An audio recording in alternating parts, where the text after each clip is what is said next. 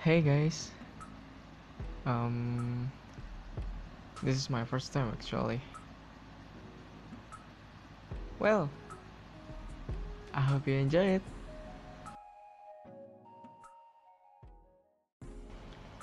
Okay, so um, I think that's all I can give to you, and because this is my first time too, oh well. I hope you all have a nice day. Thank you. See ya.